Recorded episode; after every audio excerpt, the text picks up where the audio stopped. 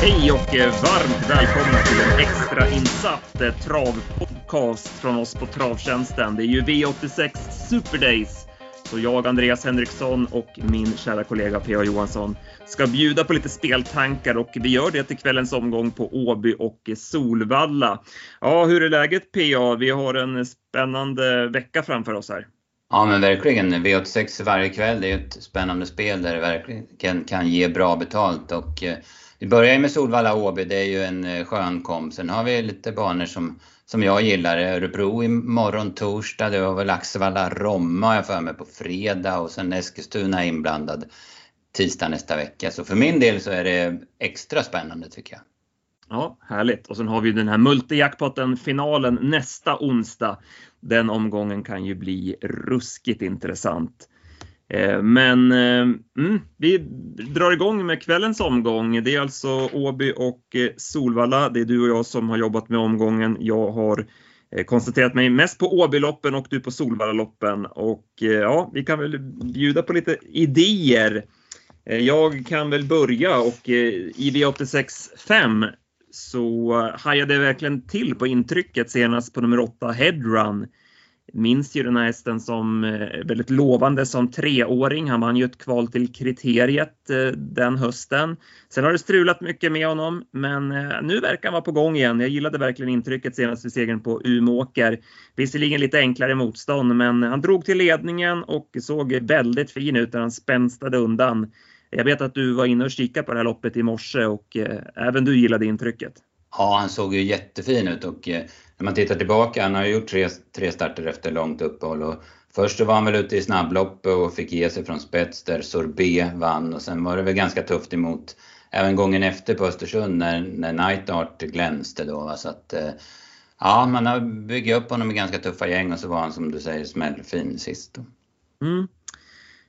Och jag är lite inne på att han skulle kunna få en bra start här från sport 3. De är ju dels eh, inte speciellt snabba runt omkring och dessutom lite osäkra från början så att jag tror att eh, Berg kommer komma iväg bra. Eh, sen finns det en möjlighet att han skulle kunna köra sig till ledningen efter en bit trots tillägg.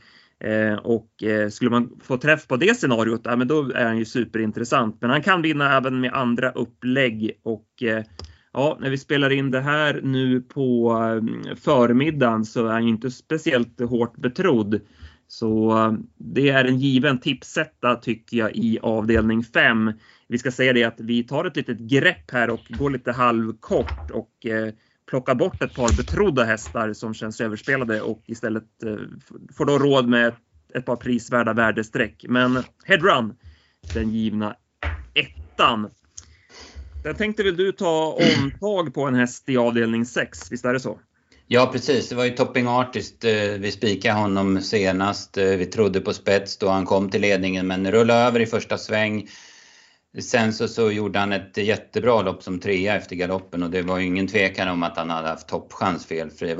Eh, han går bra, han går 9,5 sista 800 och det är klart att man tycker det är starkt men det jag fastnade mest för det var ju när det löste sig lite grann när han satt i femte par in ungefär 500 kvar och han kom fram i tredje in, liksom sättet som han skjuter till där, det var, det var jäkligt läckert faktiskt. Jag tror på spets efter en bit igen och eh, vi är inne på att han kan eh, vinna det här loppet istället men vi vill eh, varna för nummer två, eller varna, vi vill även lyfta fram nummer två, The Pirate som som du pratade om efter Mantorp inför Eskilstuna där och så han var ju riktigt bra där i Eskilstuna. Han utklassade en sån häst som eh, Lavio Schermer till exempel. Va? Så att, eh, den är tidig, det har funkat i voltstart. Det är inget jättebra med voltstart men det har funkat tidigare för The Pirates så att jag tror att han ska ta sig iväg felfritt i alla fall och då, då är han ett hett bud.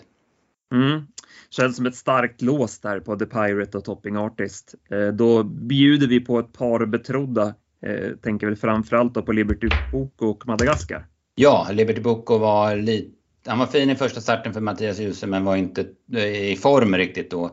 Sen var han lite, såg lite sämre ut i Dannero, så har han ju varit sjuk och haft en paus. Eller han har varit behandlad och haft en paus. Och det låter väl inte superbra på, dem, på honom. Och det är samma sak med Madagaskar. Han har varit sjuk efter senaste starten och eh, det låter inte heller som han är på topp. Och jag tycker inte han har varit speciellt bra i år heller, Madagaskar. Så att eh, de två bjuder jag gärna på. Ja. Så är det. Eh, V86-tipsen till kvällen släpper vi klockan 15 på travtjänsten.se. Något annat du vill säga om kvällens lopp eller ska vi kika lite grann på de omgångar som eh, kommer? Ja, nej, men vi kan kolla framåt lite grann. Jag har inte hunnit eh, titta så mycket, men, men vi kan slå en blick på startlistan i alla fall. Ja, exakt. Vi har ju torsdagen följer vi upp då med Bergsåker och Örebro. Känns som att Daniel Redén styr utdelningen en hel del där. Du pratade ju med honom i måndags och visst har han ett par feta chanser där på Örpen? Ja, han, på, på V86-lappen så är Margareta Toma med. Vad har hon nu? 15 raka segrar. Och O Toma som han pratade så väldigt gott om inför första starten hos sig och hon levererar ju verkligen också då. Hon slog ju den här Chimmy som var så jäkla bra på Åby sist. Så att det var en stark prestation. Det känns som väldigt starka favoriter. På Bergsåker samma dag där så kör man bara kallblodslopp. Så att jag har väl ingen rikt... Det, det, är bra kallblod, det ska jag säga. Det är hög klass på dem. Eh, så att eh, det är kända hästar. Tangenborg kommer ut igen men han möter Brenne Odin till exempel. Den är ju rätt frän, Brenne Odin. Vi har Axevalla Romme sen på fredag. Eh, ja, det är intressant att se avslutningen där tycker jag. Vi har ju Dana Ek som ju gick som ett skott efter galopp på Valla näst senast. Och eh, Riverdale Z som jag verkligen gillade intrycket på i värmningen senast. Hon såg ju ruskigt fin ut alltså. Eh, gjorde väl ett starkt lopp också efter galoppen där. Mm. Eh, de blir ju intressanta att se Sen har vi även eh, PowerDoc till exempel i... Ja, precis. Också till start va? Ja, stämmer det. Och eh, det är bra hästar. Det är bra namn i överlag i den här tävlingsdagen tycker jag. Det är bra klass på loppen. Mm.